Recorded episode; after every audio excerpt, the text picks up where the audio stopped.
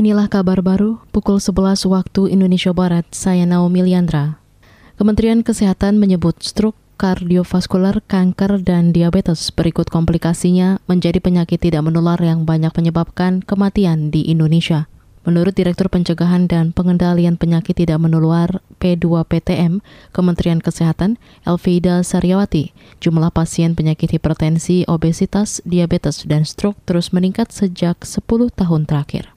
Kalau dilihat dari faktor resiko pun secara global, ini kita lihat bahwa uh, darah tinggi, merokok, gula darah tinggi, dan obesitas itu menduduki lima besar faktor risiko yang menyebabkan beban penyakit di dunia. Dan kalau kita lihat dari tren penyakitnya sendiri, yaitu hipertensi, obesitas, diabetes, stroke, dan ginjal kronis dari Riskesdas 2013 ke 2018, kita lihat bahwa juga terjadi peningkatan. Direktur Pencegahan dan Pengendalian Penyakit Tidak Menular P2PTM di Kemenkes Elvida Sariwati menambahkan kardiovaskular, kanker, stroke, dan gagal ginjal menjadi penyakit yang paling banyak menyedot pembiayaan kesehatan di Indonesia.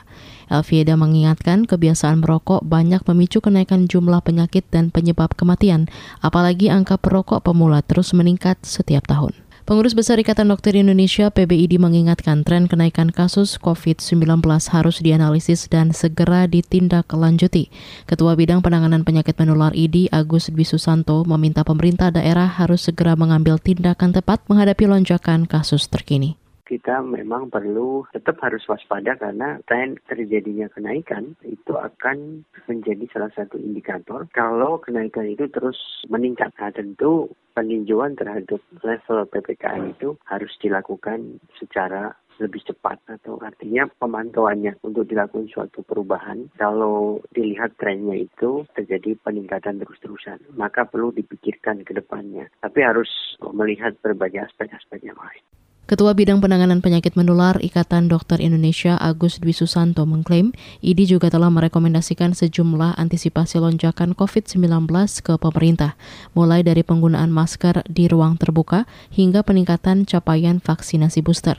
Kemarin jumlah kasus COVID-19 di Indonesia bertambah 3.500-an kasus dengan 10 pasien meninggal. Organisasi Kesehatan Dunia WHO juga menetapkan DKI Jakarta termasuk wilayah dengan level 3 transmisi komunitas penularan COVID-19.